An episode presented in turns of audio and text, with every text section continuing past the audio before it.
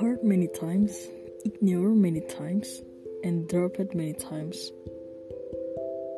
Uh, I have um, some questions for you guys buat kalian yang mungkin lagi jalanin relationship dan berada di posisi ini. Itu gimana tuh ceritanya nih? Udah disakitin berkali-kali, diabaikan berkali-kali, dijatuhin berkali-kali. Ini gue pengen nanya, itu cinta atau sebuah kebodohan? Atau atau mungkin kalian udah itu sebuah kebodohan tapi kalian diemin aja gitu. Jadi kayak apa itu yang dinamakan sayang? Atau mungkin sayang kalian tuh berlebihan sampai kalian lupa tuh harus peduli juga sama dari kalian.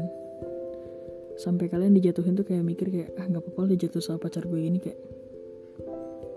Apa itu ku apakah itu sebuah kebenaran atau kayak nggak tahu ya? Kayak atau mungkin kalian terlalu bodoh dalam hal mencintai.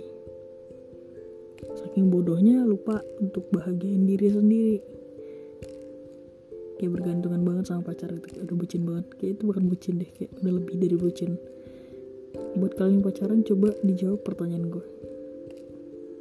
Kalian tuh nggak minta